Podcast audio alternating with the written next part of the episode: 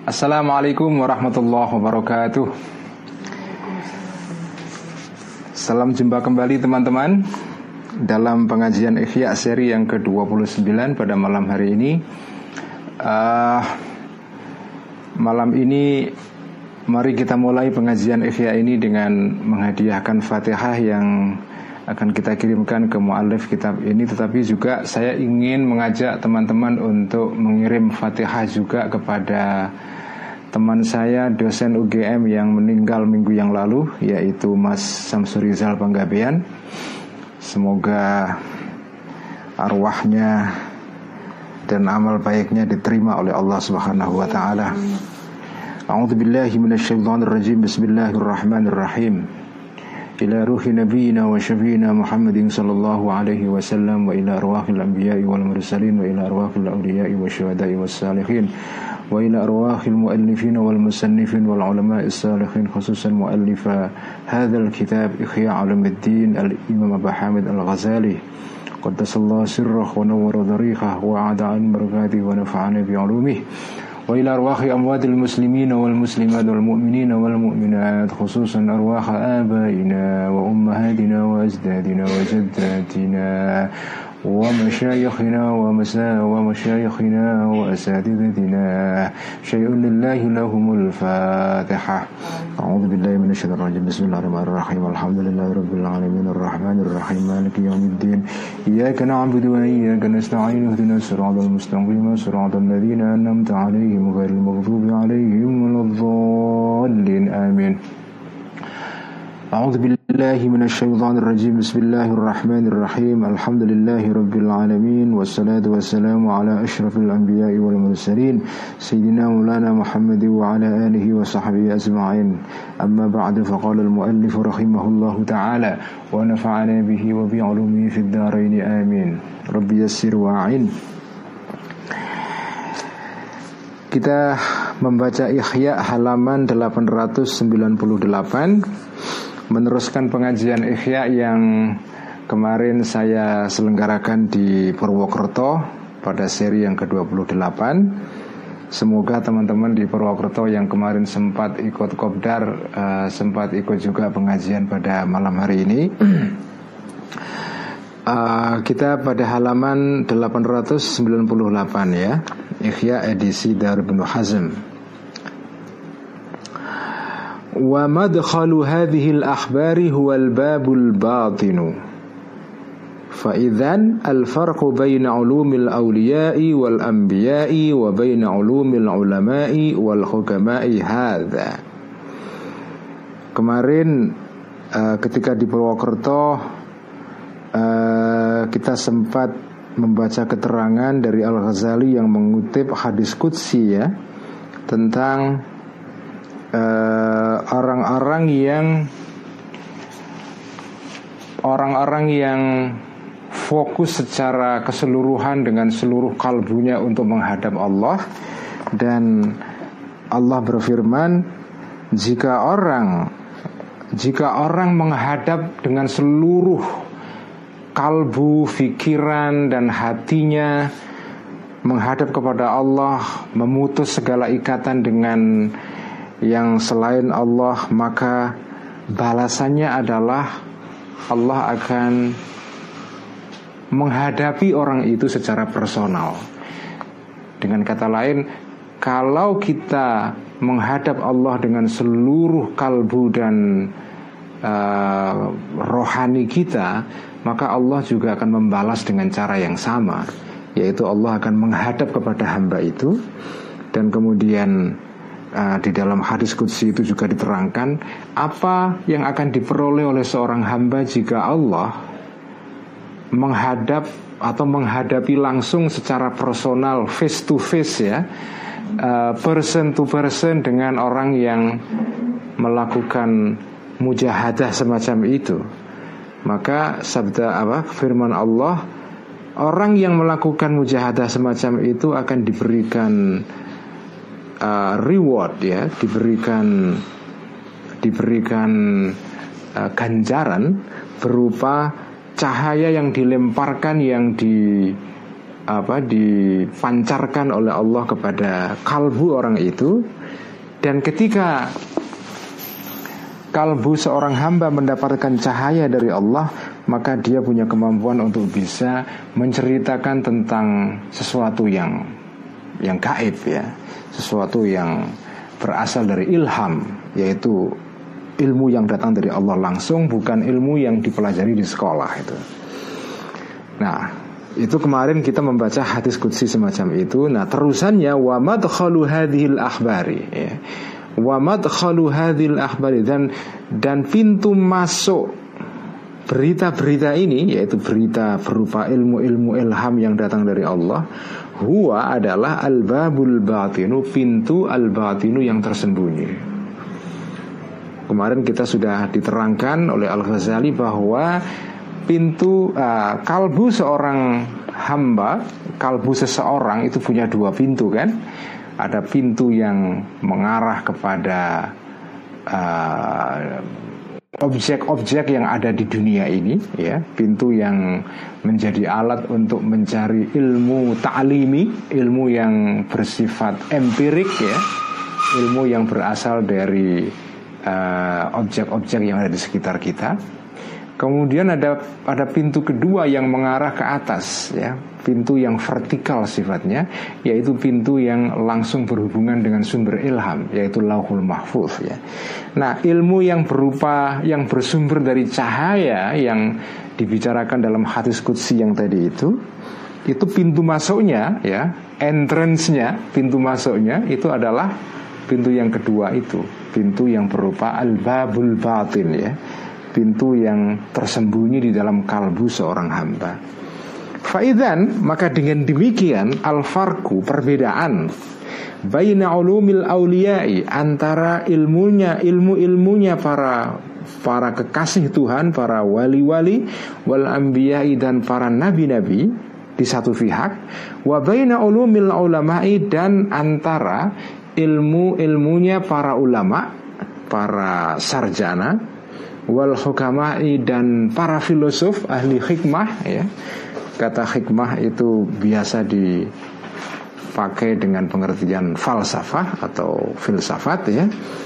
Jadi perbedaannya hadza adalah ini. Khobarnya kata al-farqu hadza ini. Apa ini itu? Wahwa dan ini itu adalah anna ulumahum.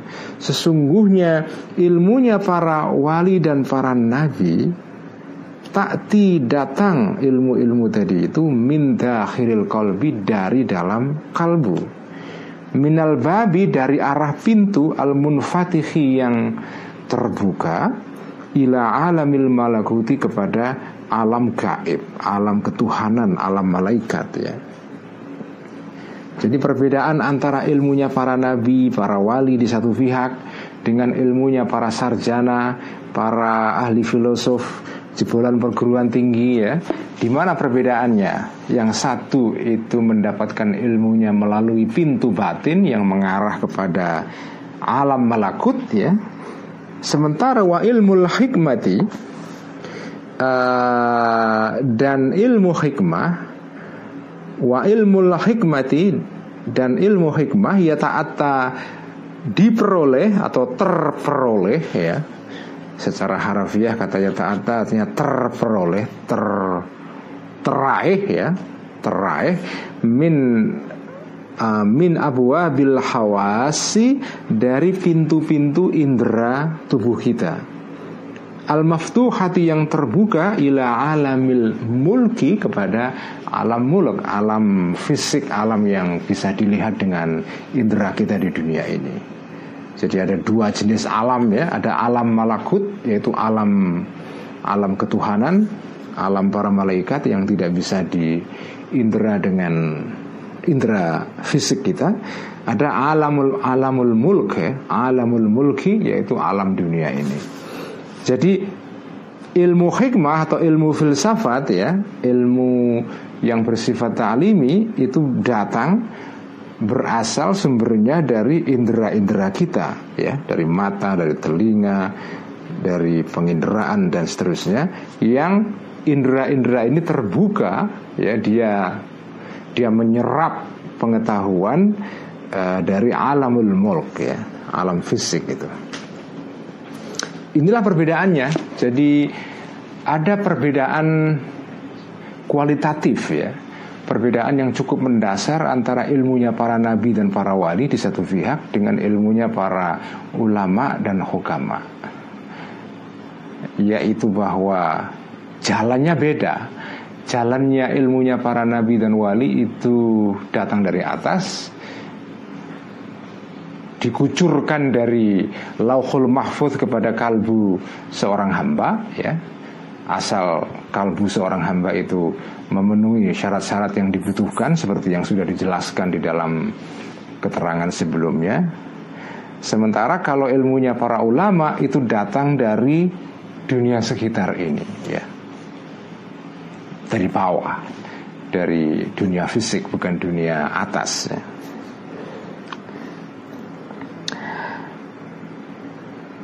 wa ajaibu alamil qalbi wa ajaibu alamil qalbi dan keajaiban-keajaiban alam kalbu manusia wa taradduduhu dan dan terombang-ambingkannya al-qalbu atau alamul qalb atau al-qalbu ya baina alamai syahadati antara dua alam yaitu alam syahadah, alam yang nampak, wal ghaibi dan alam yang gaib ya. Keajaiban kalbu manusia dan watak kalbu manusia yang swinging ya, yang terombang-ambing seperti uh, bandulan ya antara alam syahadah, alam yang nampak dan alam yang gaib. Jadi kalbu manusia itu memang terombang-ambing antara dua sumber ini ada ilmu yang bersifat ilham dan ada ada ilmu yang bersifat apa itu ta'limi. Nah, itu semua la yumkinu tidak bisa an yustaqsa di uh, diketahui secara menyeluruh ya fi ilmil muamalati an yustaqsa uh, tidak mungkin an yustaqsa di di dihitung secara komplit ya secara secara menyeluruh fi ilmil muamalati di dalam ilmu muamalah.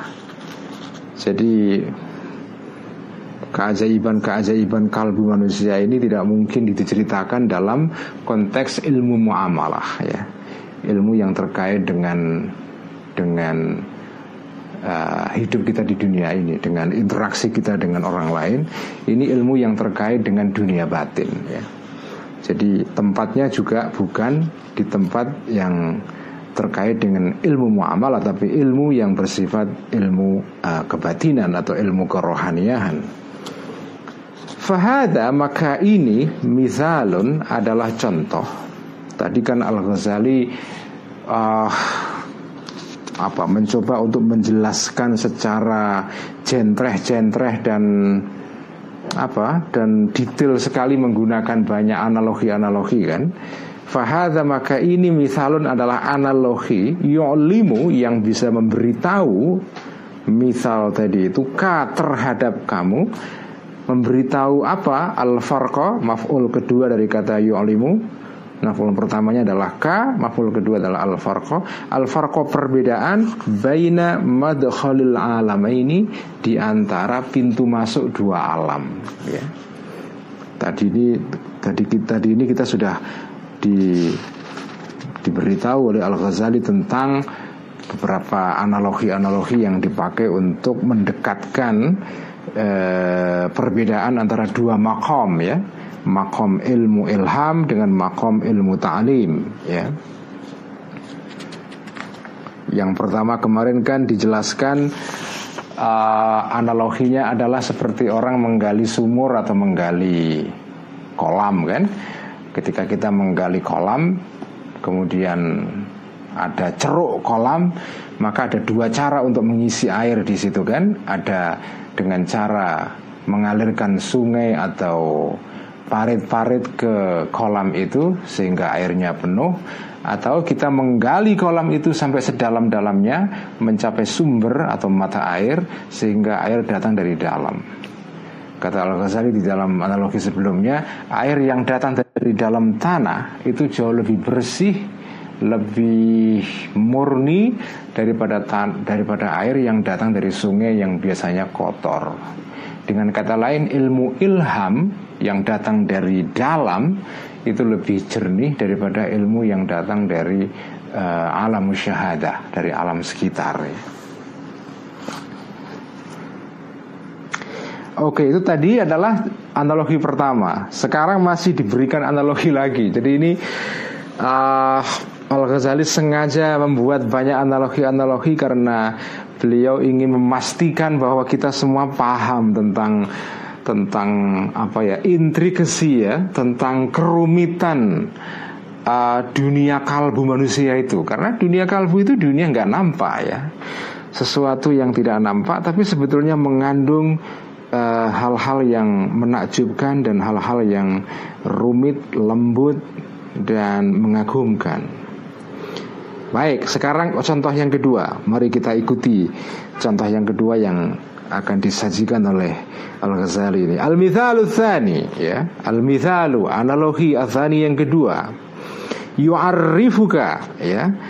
Itu al-mithalu mubtada khabarnya yu'arrifuka hendak memberitahu al-mithal asani ini ka kepadamu al-farqa ka maf'ul pertama al-farqa maf'ul kedua al-farqa perbedaan bainal amalaini di antara dua tindakan.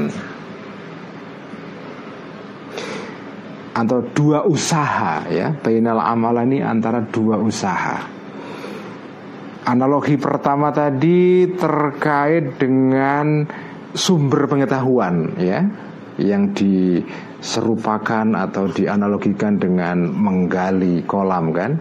Yang kedua ini misal kedua analogi kedua terkait dengan jalan atau usaha yang dilakukan oleh dua kubu atau dua kelompok yang mencari dua jenis pengetahuan ini ada kelompok para wali dan para nabi dan ada kelompok para ulama. Nah, Al-Ghazali punya contoh tentang bagaimana perbedaan antara tindakan dua kelompok ini. A'ni maksud saya, saya Al-Ghazali, amal al-ulama'i amalnya atau usaha atau jalan para ulama wa amal al-auliyai dan amal atau tindakan para wali. Bagaimana perbedaan antara usaha para ulama dan usaha para wali untuk mencari pengetahuan ya.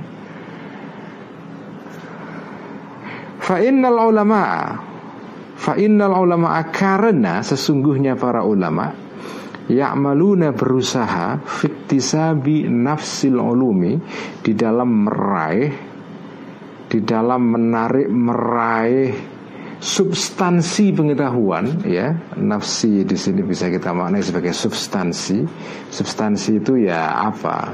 Substance ya ya substansi itu ya isinya sesuatu apa intinya ya Ya amaluna ulama ini melakukan uh, fiktisa binafsil ulumi di dalam meraih substansi pengetahuan wajtila biha dan di dalam menarik pengetahuan tadi itu al ulum ilal qalbi kepada kalbu ya. Wa aulia as-sufiyati fa innal ulama karena sesungguhnya para ulama ya'maluna fiktisabi nafsil ulumi biha ilal ulum ilal qalbi jadi para ulama para ulama yang mencari pengetahuan lewat jalan ta'lim, jalan belajar biasa. Usaha mereka itu adalah iktisabul ilm wastilabuha wastilabuhu ilal qalbi. Jadi yang dilakukan oleh para ulama itu adalah dengan kata lain kulaan ilmu ya. Istilah itu kulaan.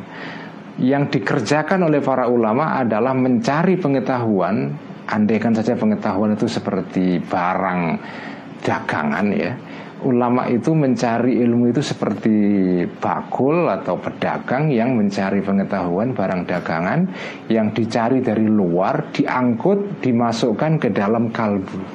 Jadi kalbu manusia itu di dalam konteks apa um, di dalam konteks pengetahuan para ulama itu seperti wadah. Wadah yang diisi dari luar ya. Itu itu usaha para ulama. Sementara wa aulia as-sufiyati dan sesungguhnya para wali-wali eh, para wali-walinya kelompok-kelompok sufi ya wa aulia as-sufiyati uh, dan para wali-walinya para uh, pengikut jalan sufi jalan tasawuf ya uh, sufiyah ini bentuk jamak yang agak aneh ya. Kata as-sufiyah itu adalah uh, jamak dari kata uh, mutasawwifun sufiyatun ya. Uh, asuf ya'maluna mereka bekerja melakukan ya fi fi jalai al qulubi di dalam membersihkan al-kalbu ya, membersihkan kalbu-kalbu wa tathhiriha dan memurnikan kalbu-kalbu itu wa tasfiyatiha dan uh, mengelap-ngelap kalbu, membersihkan, mengelap wa taskiliha dan apa? Menggosok-gosok kalbu ya. Taskil itu menggosok seperti gosok kaca ya. Fakot hanya ya. Fakot hanya itu saja ya. Jadi uh, yang dilakukan oleh para ahli sufi, para wali-wali berbeda dengan para ulama tadi itu, yang dikerjakan para sufi itu adalah bukan mencari pengetahuan dari luar diangkut ke dalam kalbu, tetapi yang dikerjakan mereka adalah membersihkan, mengelap-ngelap, menggosok, me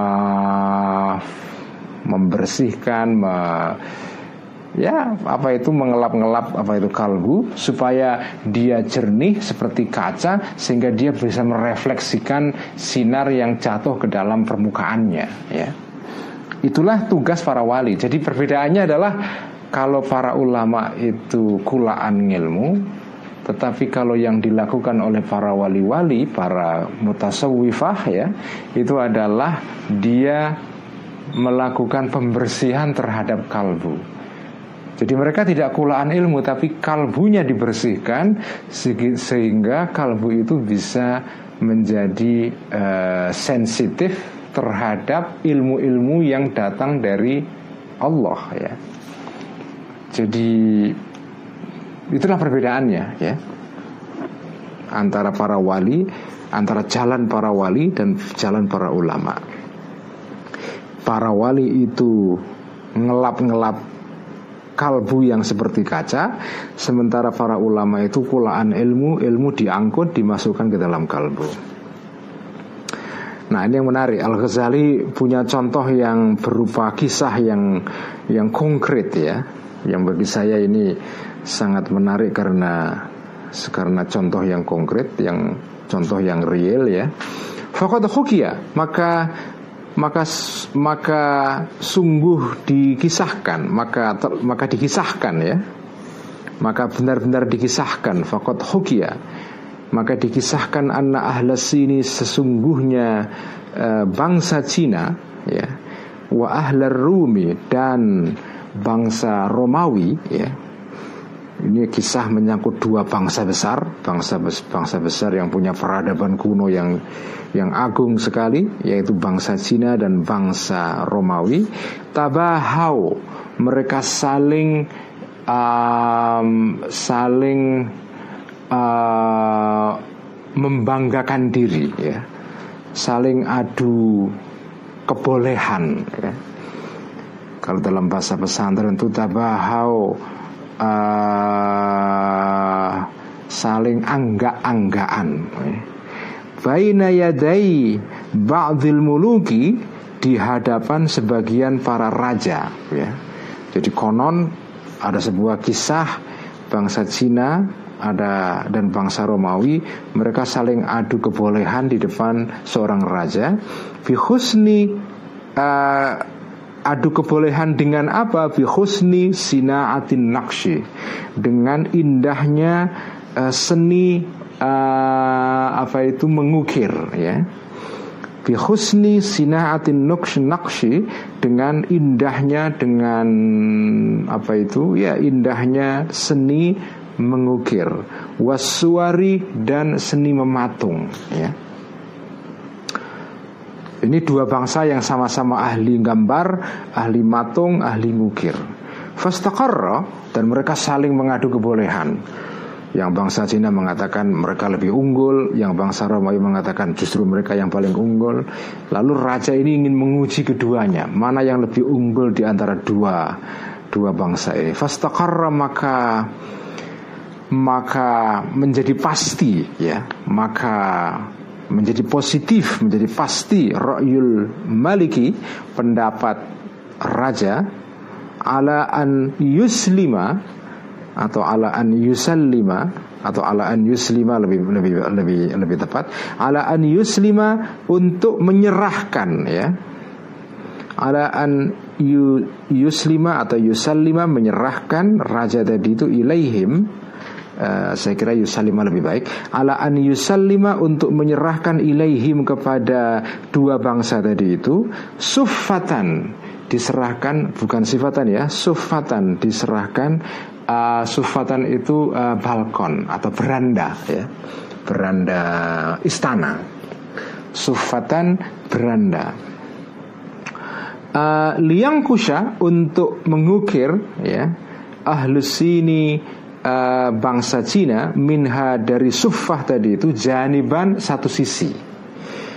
Wa ahlur rumi dan supaya mengukir ahli atau orang-orang atau bangsa Romawi janiban mengukir janiban satu sisi yang lain. Wa yurha dan dipasang bainahuma memisahkan antara kedua bangsa tadi itu hijabun penghalang atau tirai ya. Yamna'u yang bisa mencegah uh, hijab tadi itu ittila'a kulli fariqin. Uh, mencegah apa? Ittila'a kulli fariqin uh, apa itu? melihatnya masing-masing kelompok ya yang mencegah masing-masing kelompok bisa menengok ya, atau menengoknya masing-masing kelompok alal akhori atas kelompok yang lain. Fafala maka um, melaksanakanlah ya atau fafuila juga bisa maka dilas, dilaksanakanlah zalika rencana tadi itu ya. Jadi ini ada kisah bangsa Cina, bangsa Romawi dua bangsa besar yang punya tradisi kesenian yang hebat ya. Mereka saling uh, apa itu uh, membanggakan diri adu kebolehan di depan seorang raja. Lalu seorang raja ini ingin menguji kebolehan mereka. Mereka diberikan tugas. Mereka disuruh mengukir atau melukis uh, apa itu uh, beranda uh, istana raja Kemudian masing-masing kelompok ini diberikan satu sisi dari beranda itu. Yang orang Cina disuruh mengukir atau melukis satu sisi. Yang orang Romawi diberikan sisi yang lain. Lalu di antara mereka dipasang tirai supaya mereka tidak bisa saling menengok atau melihat satu yang lain. Kemudian raja menunggu bagaimana hasil akhirnya Kemudian mulailah kedua seniman dari dua bangsa ini mulai bekerja. Fajama'a. Maka mulai mengumpulkanlah ya ahlur rumi orang-orang Romawi ini minal asbagi dari cat-cat ya dari apa asbahun. Dari kata sibuhun asbahun. Sibuhun itu wantek kalau bahasa pesantrennya tahu wantek kan? Wantek itu ya pewarna atau wenter ya. Ya kalau di sini bukan winter tapi uh, apa itu cat ya. Al gharibati yang aneh-aneh ya. Mereka mengumpulkan dari segala cat yang aneh-aneh ma cat-cat layan hasiru yang tidak bisa dihitung. Para seniman-seniman Romawi mencari semua jenis cat yang terbaik untuk dipakai untuk melukis ya.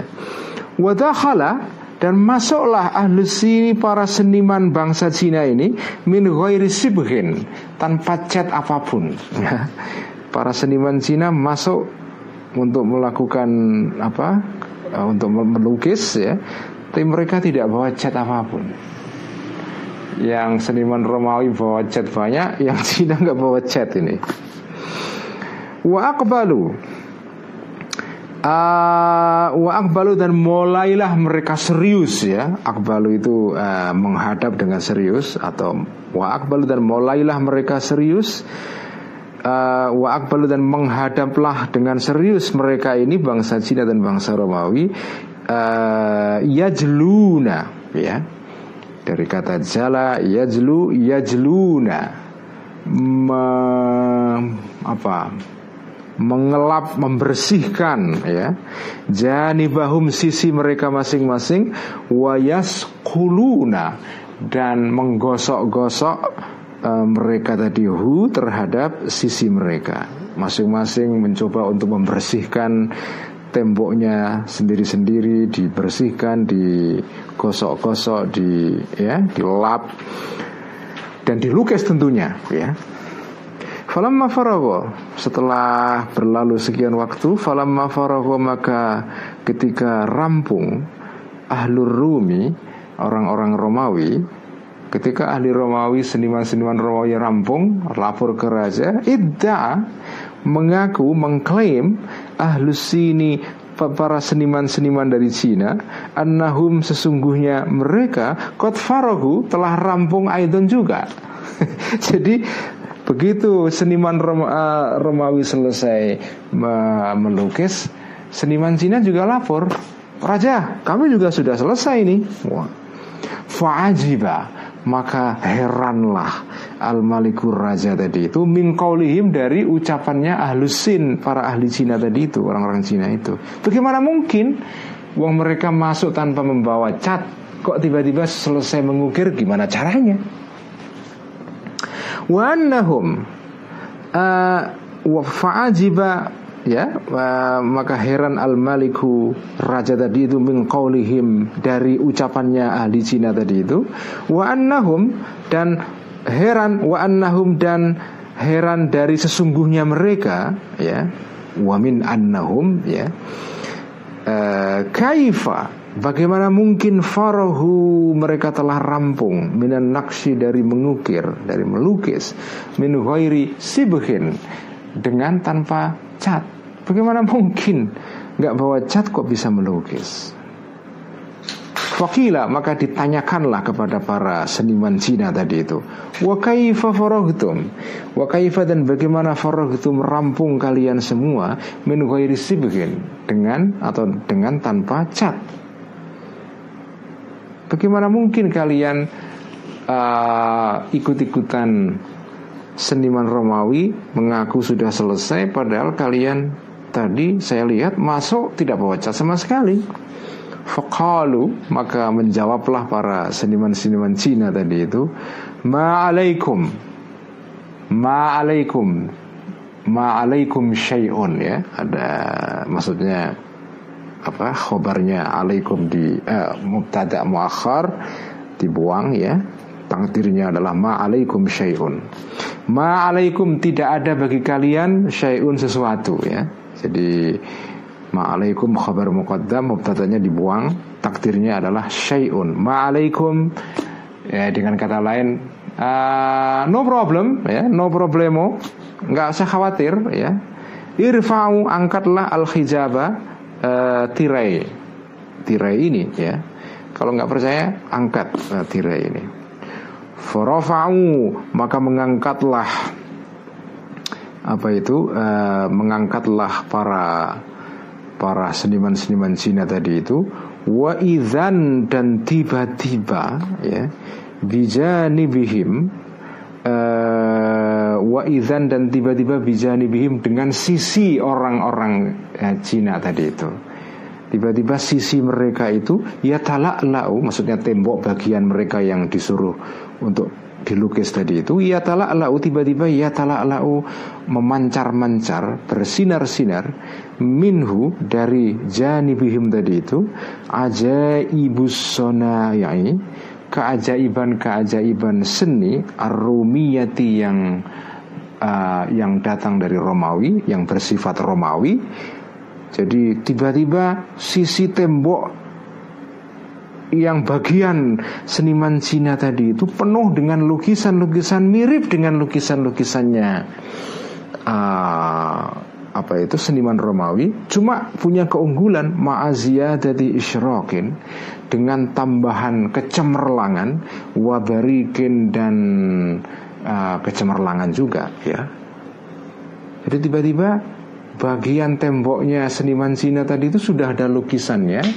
Motifnya mirip dengan lukisan-lukisannya para uh, apa itu para seniman Romawi cuma lebih cemerlang lebih punya feel punya roh ya sementara ya lukisan orang-orang Romawi bagus cuma dari segi rohnya jiwanya spiritnya itu masih menang lukisan-lukisan seniman Cina tadi itu.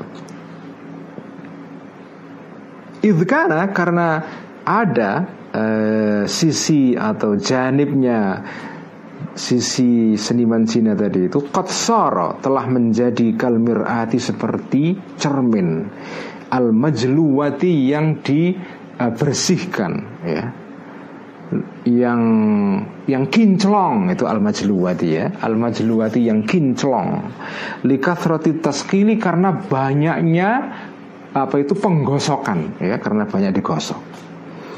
Fasdada maka tambah-tambahlah husnu janibihim keindahan sisi seniman para para seniman Cina tadi itu tambah mereka lebih tambah lebih ta, lebih unggul keindahannya bimazid taskili dengan uh, keunggulan uh, apa pemolesan dan kecemerlangan ya. Kes, pemolesan yang menimbulkan kecemerlangan itu. Ini menarik sekali ini. Bah, Tiba-tiba Al-Ghazali membuat satu analogi tentang apa perbedaan ilmunya para wali dan ilmunya para ulama dengan contoh dunia kesenian. Bagi saya ini menarik sekali. Yang satu adalah Al-Ghazali mengambil contoh bangsa Romawi Bangsa Romawi yang tradisi kesenian peradabannya berasal dari Yunani ya kita tahu itu karena bangsa Romawi tidak punya kesenian sendiri mereka mengambil kesenian dari bangsa Yunani yang mereka taklukkan sebelumnya. Yang kedua adalah bangsa Cina. Buat saya yang menarik adalah Al-Ghazali kenapa Al-Ghazali mengambil dua contoh ini? Um, fakta bahwa Al-Ghazali menggunakan dua contoh ini saya kira ya menunjukkan satu hal bahwa di kalangan para di kalangan publik Islam ketika itu ya pada abad ke-10 ke-11 Masehi di Baghdad di kawasan Persia ketika itu saya kira mereka sudah punya sudah bukan rahasia lagi bahwa mereka tahu ada dua bangsa besar yang punya tradisi kesenian yang tinggi sekali bangsa Cina bangsa Romawi.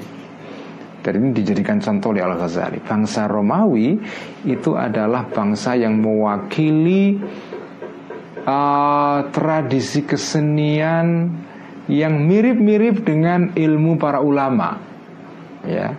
Sementara seniman Cina itu mirip dengan tradisi ilmuwan ilmunya para wali-wali ya. Dan itu digambarkan dengan kisah ini. Ya. Ya, bangsa Cina, bangsa Romawi melukis dengan menggunakan banyak medium, cat dan segala macam rempong sekali lah kira-kira begitu kan. Sementara bangsa Cina sederhana, mereka tidak punya nggak nggak butuh cat banyak. Dengan sederhana sekali mereka menggali keindahan keseniannya bukan dari cat tapi dari dalam gitu. dari ilham dari dalam ketika selesai raja terpukau ternyata lukisan seniman Cina walaupun dengan medium yang sederhana ternyata lebih indah daripada kesenian daripada hasil lukisannya atau hasil uh, patung yang digarap dibuat oleh para seniman uh, Romawi saya suka sekali dengan dengan analogi ini ya. Bangsa Cina melambangkan ilmu para wali, bangsa Romawi melambangkan ilmunya para ulama. Keren gak itu? Ah, uh, baik. Tadi mana itu? Fakadalika ya. Nah, dari segi apa analogi ini bisa masuk untuk menggambarkan perbedaan antara cara kerja para ulama dan cara kerja para wali karena begini fakadzalika uh, fakadzalika maka begitulah maka maka sebagaimana yang tersebut tadi itu sebagaimana perbedaan antara pekerjaan dua kelompok seniman besar tadi itu inayatul ulama auliyai ya. Uh, inayatul auliyai. Uh, perhatian ya para para para wali ya. Inayatul auliyai perhatian para wali fitathhiril qalbi adalah khobar kata inayah uh, ini tarkib atau status gramatiknya agak rumit ya. Fakadzalika khobar muqaddam. Inayah adalah mubtada muakhar tapi uh, apa itu? Dia mubtada yang apa itu? Uh, apa? Yang berupa jumlah ya. Inayatul auliyai uh, apa perhatian para wali adalah bitathhiril qalbi khobarnya kata inayah ya uh, adalah dengan cara membersihkan kalbu ya. Bitathhiril kalbi adalah dengan cara membersihkan kalbu. Wajalaihi dan mengelap-ngelap kalbu watazkiyatihi dan membersihkan juga wasafaihi dan apa itu membersihkan kalbu. Ini semua kata-kata ini nyaris sama semua ya uh, sinonim ya. Hatta yatala'la sehingga menjadi bersinar-sinar fi di dalam kalbu tadi itu jaliyatul haqqi ya jaliyatul haqqi uh, sinar benderang dari kebenaran ya. Jaliyatul haqqi uh, kebenderangan dari kebenaran binihayatil isyraqi dengan puncak apa itu? Isyraq penyinaran. Al isyraq itu istilah yang khas di dalam filsafat irfan artinya adalah apa isyraq itu emanasi ya Kafi ali ahli sini sebagaimana tindakan para seniman-seniman Cina ya. Jadi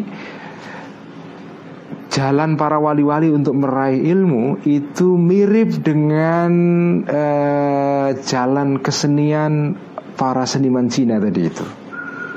Jadi mereka tidak butuh para wali-wali ini tidak butuh buku, tidak butuh uh, ballpoint tidak butuh tinta atau ballpoint atau macam-macam. Tidak butuh uh, ubo rampe atau hardware yang yang terlalu banyak untuk mencari pengetahuan itu. Sebagaimana para seniman Cina tadi itu tidak butuh banyak cat ya. Cuma yang mereka kerjakan adalah mereka melakukan pembersihan apa itu uh, terhadap hati ya sebagaimana para seniman Cina tadi itu mereka menggali keindahan bukan dari cat tapi dari dalam dirinya sendiri itu. Sehingga uh, setelah kalbu itu dibersihkan maka uh, datanglah sinar isyraq dari atas dari sumber kebenaran yaitu dari Allah Subhanahu wa taala. Sementara wa inayatul hukamai ya dan perhatian para filosof wal ulama dan para ulama bil iktisabi khobarnya ya bil iktisabi uh, apa itu dengan cara uh, belajar. Bil iktisabi dengan cara usaha yaitu belajar. Wa nakshil ulumi dan mengukir pengetahuan di kalbu mereka. Jadi sebagaimana para seniman mengukir, ulama itu juga mengukir juga. Ilmu itu seperti objek yang diukirkan ke kalbu kita. Watahsilu uh, watahsili nakshiha ya dan uh, menghasilkan ukiran uh, ilmu-ilmu tadi itu fil kalbi di dalam kalbu. Kafi ali ahli Rumi seperti tindakan seniman uh, bangsa Romawi. Jadi itulah ya e, perbedaan antara cara kerja para ulama dan cara bekerja para aulia ya. Tapi meskipun jalan kedua kelompok besar ini beda ya, cuma tetap ada kesamaan. Fakaifa kanal amru faqalbul mu'mini la yamutu. Fakaifa kana maka bagaimanapun ada ya. Bagaimanapun keadaannya al-amru keadaan ya. Fakaifa makana maka bagaimanapun adanya al-amru keadaan apa pun keadaannya dengan seluruh perbedaan antara cara kerja para ulama dan para aulia faqalbul mu'mini maka ya uh, kalbunya seorang mukmin layamutu itu tidak bakalan mati ya. Seorang mukmin, seorang yang beriman kalbunya tidak pernah mati. Hidup terus, menyala terus. Wa ilmuhu dan ilmunya seorang mukmin indal mauti ketika mati ya.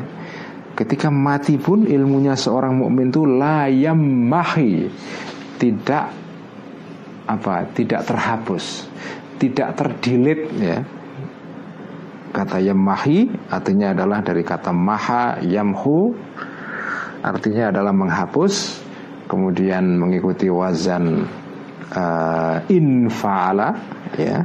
Uh, in maha artinya adalah apa? Terhapus ya. Wasafa'uhu dan uh, kejernihan kalbu seorang mukmin tadi itu la daru tidak bisa menjadi kotor ya asal dia seorang beriman ya artinya dia seorang yang uh, membersihkan hatinya dengan mujahadah selama orang melakukan mujahadah maka hatinya atau kalbunya tidak akan pernah kotor, tidak pernah mati, dia menyala terus seperti lampu yang tidak pernah habis minyaknya. Ilmunya pun ya, ilmu tidak akan terhapus. Ilmunya seorang mukmin tidak akan hilang ketika dia mati. Ini sesuai dengan pandangan para filosof muslim seperti Ibnu Sina dan Al-Farabi yang mereka berpandangan bahwa jiwa atau nafsu itu adalah abadi, tidak bisa rusak, tidak bisa hancur ya. Uh, ketika seorang manusia meninggal ya mati, maka yang mati hanya jasadnya, dalam teori para filosof muslim ketika seorang mati itu yang mati adalah jasadnya. Sementara roh manusia atau atau jiwa manusia nafsu itu ya soul atau ya uh, jiwa itu akan langgeng terus menerus uh, sampai kapan pun. Dan jiwa itu adalah tempat uh, bermukimnya tempat bersarangnya pengetahuan karena nafsu tidak bisa hancur ya maka ilmu pun tidak, tidak bisa hancur. Karena ilmu tempatnya adalah di dalam jiwa ini. Atau kalau dalam bahasa apa modern dalam bidang apa dalam bahasa neuroscience modern ya nafsu itu adalah kesadaran ya. Kesadaran seorang manusia itu tidak bisa hilang tidak bisa hancur tidak bisa rusak walaupun se -se seorang mati menurut para filosof muslim tetapi kalau menurut uh, filsafat materialis materialistik atau falsafat filsafat sains yang materialistik ya lain lagi dalam dalam pandangan sains modern dalam pandangan neuroscience modern ketika seorang mati ya sudah selesai semua. Karena yang disebut dengan kesadaran itu hanya efek dari reaksi-reaksi kimiawi dalam brain atau otak kita. Begitu otak kita mati karena kita mati ya hilang semua kesadaran itu ya. Itu pandangan materialistik ya atau pandangan materialisme. Pandangan seorang uh, filosof muslim lain mereka pandangannya adalah uh, mengatakan jiwa manusia itu tidak hancur ya. Walaupun badan kita mati jiwa ini terus uh, survive langgeng wa ilaihi dan kepada ini tadi itu kepada apa fakta bahwa bahwa seseorang walaupun mati ilmunya tidak tidak bisa hancur ya, tidak bisa hilang. Asyara memberikan isyarat Al Hasanu uh, Imam Al Hasan Al Basri, seorang ulama besar uh, apa itu uh, tabi'in ya. Rahmatullahi alaihi. Biqaulihi dengan ucapan Al Hasan Al Basri at-turabu la ya'kulu mahallal imani. Ini kata-kata Imam Hasan Al Basri ya. At-turabu la ya'kulu mahallal imani. At-turabu tanah Tanah kuburan ini La ya'kulu tidak bisa Memakan Mahallal imani Tempatnya iman Mahallul iman Tempat iman apa? Kalbu ya kan jadi tanah tempat dikuburnya seorang manusia ketika dia meninggal itu tidak bisa menghancurkan tempat iman yaitu kalbu. Bal yakunu ya uh, bahkan uh, ada uh, apa itu uh, turab tadi itu ya Uh, bal yakunu bahkan ada turab tadi itu atau iman juga bisa rujuknya bisa turab bisa iman. Saya kira iman lebih baik. Bal yakunu bahkan ada iman tadi itu uh, wasilatan menjadi wasilah menjadi uh, jalan. Wa kurbatan dan menjadi uh, alat untuk mendekat ilallahi taala kepada Allah taala ya jadi tanah tidak bisa menghancurkan tempat iman yaitu kalbu Bahkan iman menjadi wasilah, menjadi jalan untuk mendekat kepada Allah Subhanahu wa taala.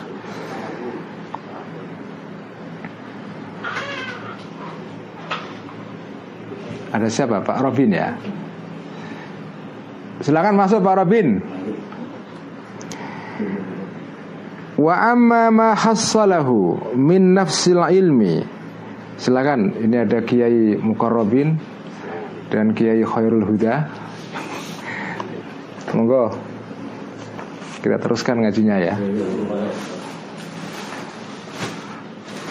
Ah, uh, ini santri kok datangnya terlambat ini gimana?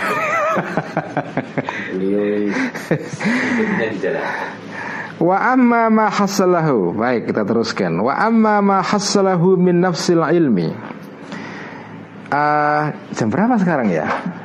Kurang 6 menit lagi Kurang 6 menit ya Oke okay. Wa amma ma hassalahu min nafsil ilmi wa ma hassalahu min as-safai wal isti'dadi li qabuli nafsil ilmi fala ghina bihi anhu wa la sa'adata li ahadin illa bil ilmi wal ma'rifati.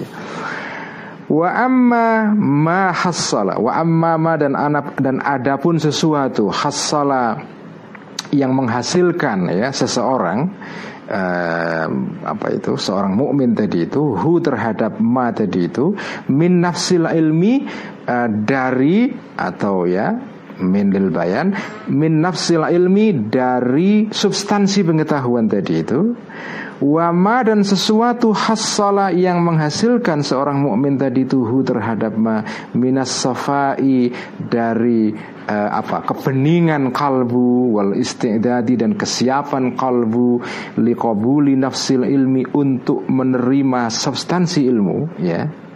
Jadi ini kan ada dua jalan tadi itu kan, jalan para uh, ulama dan jalan para aulia. Ini masih ada yang datang ya? Uh, jadi ada ada dua jalan tadi itu kan jalan para ulama dan jalan para ulia. Jalan para ulama tadi kan uh, apa menghasilkan ilmu dari luar ya. Jadi seperti orang pedagang kulaan ilmu dari luar dibawa masuk ke dalam kalbu. Jadi adapun apa? Adapun dua apa itu usaha tadi itu? Usaha para ulama untuk kulaan ilmu di satu pihak ya. Ataupun usaha para aulia bukan kulaan tapi membersihkan hati supaya membersihkan kalbu supaya kalbu itu siap menerima pengetahuan dari Allah ya. Baik dua jalan ini ya jalan para ulama maupun jalan para wali maka eh, falahina maka tidak ada apa itu? Falahina maka tidak ada uh, kemungkinan untuk uh, apa itu? Uh, uh, falahina maka tidak ada kemungkinan untuk uh, apa itu? Berkecukupan uh, bihi dengan apa itu uh, apa itu? Uh, bihi dengan apa itu falahina maka tidak ada tidak mungkin bisa berkecukupan bihi dengan ma tadi itu anhu dari bihi dengan uh, bihi dengan apa itu ilmu dan sofa dan istiqdat tadi itu anhu dari ma tadi itu. Jadi artinya apa? Jalan tadi itu baik jalan jalan kulaan ilmu ataupun jalan membersihkan kalbu itu tidak mungkin uh, tidak mungkin di, dihindari ya. Harus dilakukan itu. Kalau an, jadi tinggal pilihan aja. Kalau anda mau cari mau menempuh jalan para ulama ya belajar. Kalau menempuh jalan para wali ya mujahadah. Nggak ada jalan ketiga.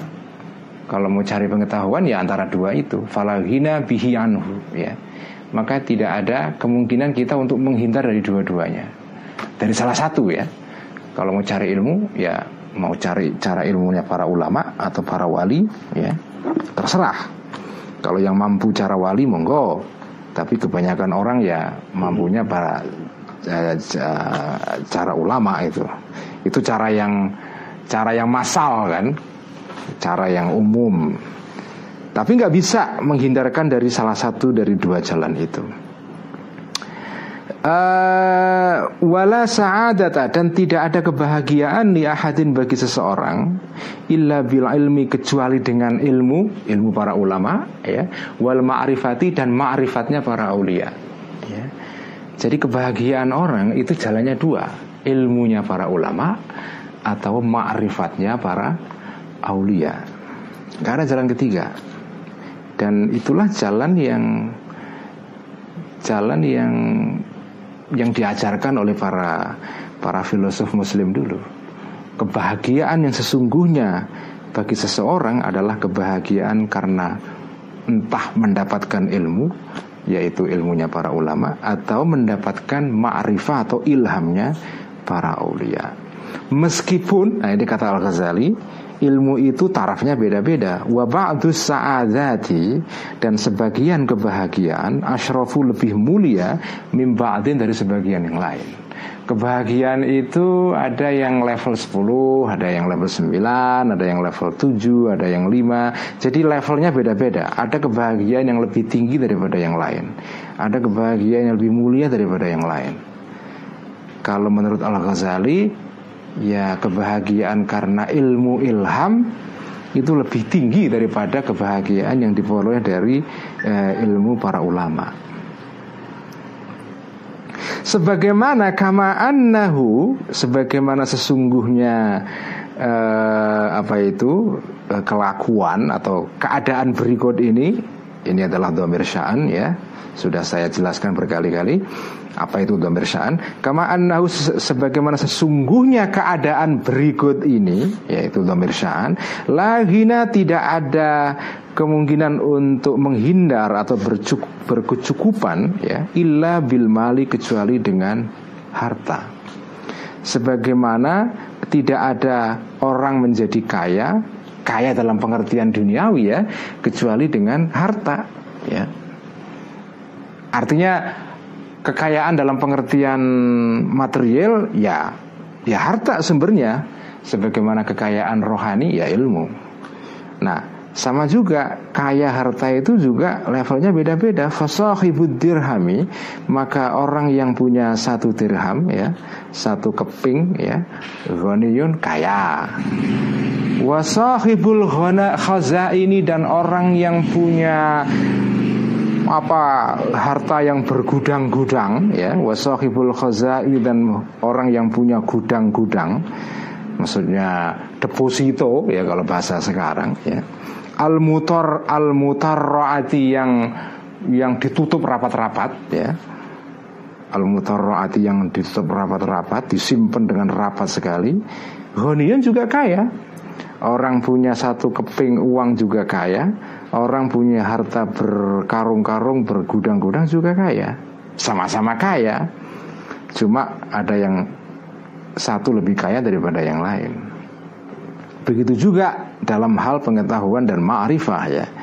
Wa tafawutu darajatis su'adai wa tafawutu darajatis su'adai dan perbedaan derajatnya orang-orang yang bahagia bihasabi tafawutil ma'rifati adalah khabarnya kata tafawut bihasabi tafawutil ma'rifati berdasarkan perbedaan uh, ma'rifah ya. Wal imani dan iman. Kama tatafawatu sebagaimana berbeda-beda darajatul agniyai derajatnya orang-orang kaya bihasabi killatil mali berdasarkan sedikitnya harta wa kathratihi dan banyaknya harta. Jadi inilah uh, apa ya analogi kedua yang dipakai oleh Al-Ghazali untuk menjelaskan perbedaan antara makomnya para ulama dan makomnya para wali ya yang satu uh, mencari ilmu dengan jalan kulaan yang satu mencari ilmu dengan cara dengan cara membersihkan kalbu supaya mendapatkan isyraq atau penerangan dari Allah. Dan tadi sudah diterangkan uh, analoginya menggunakan contoh uh, seniman Romawi dan seniman Cina ya. Yang yang menurut saya bagus sekali itu. Seniman Cina seniman Romawi melukis dengan menggunakan cat yang banyak. Seniman Cina melukis dengan cat yang minimal. Tapi walaupun dia minimal hasilnya jauh lebih memuaskan daripada lukisannya ahli Romawi. Dengan kata lain ilmu yang diperoleh dengan cara ilham walaupun catnya sedikit ya. Nggak perlu buku nggak perlu beli kertas ballpoint nggak perlu uh, daftar di UIN atau masuk perguruan tinggi. Nggak ada semua itu. Nggak ada. Jalan ilham itu bukan di sekolah. Jalan ilham itu ya mujahadah. Dari sudut jalannya minimal sekali. Persis seperti jalan kesenian para pelukis-pelukis Cina. Minimalis sekali. Tetapi kalau sungguh-sungguh dan berhasil ya, maka uh, jalan ilmu ilham yang ditempuh oleh para wali itu jauh lebih menghasilkan hasil kesenian yang yang cemerlang tadi itu yang lebih memuaskan ya. Saya kira kita cukupkan sekian. Uh, kita teruskan minggu depan. Oh ya minggu depan ya. Uh, Uh, insya Allah bulan Oktober uh, akan ada kopdar ikhya di Yogyakarta. Kira-kira mungkin akhir bulan Oktober tanggalnya nanti akan saya umumkan. Uh, yang ada di, di daerah Yogyakarta dan sekitarnya uh, yang tertarik mengikuti kopdar ikhya silahkan siap-siap untuk ikut ya. Uh, nanti bulan-bulan berikutnya kalau ada yang tertarik untuk menjadi tuan rumah Kopdar Ikhya silahkan saja ya. Uh, saya kira sekian. Wassalamualaikum warahmatullahi wabarakatuh.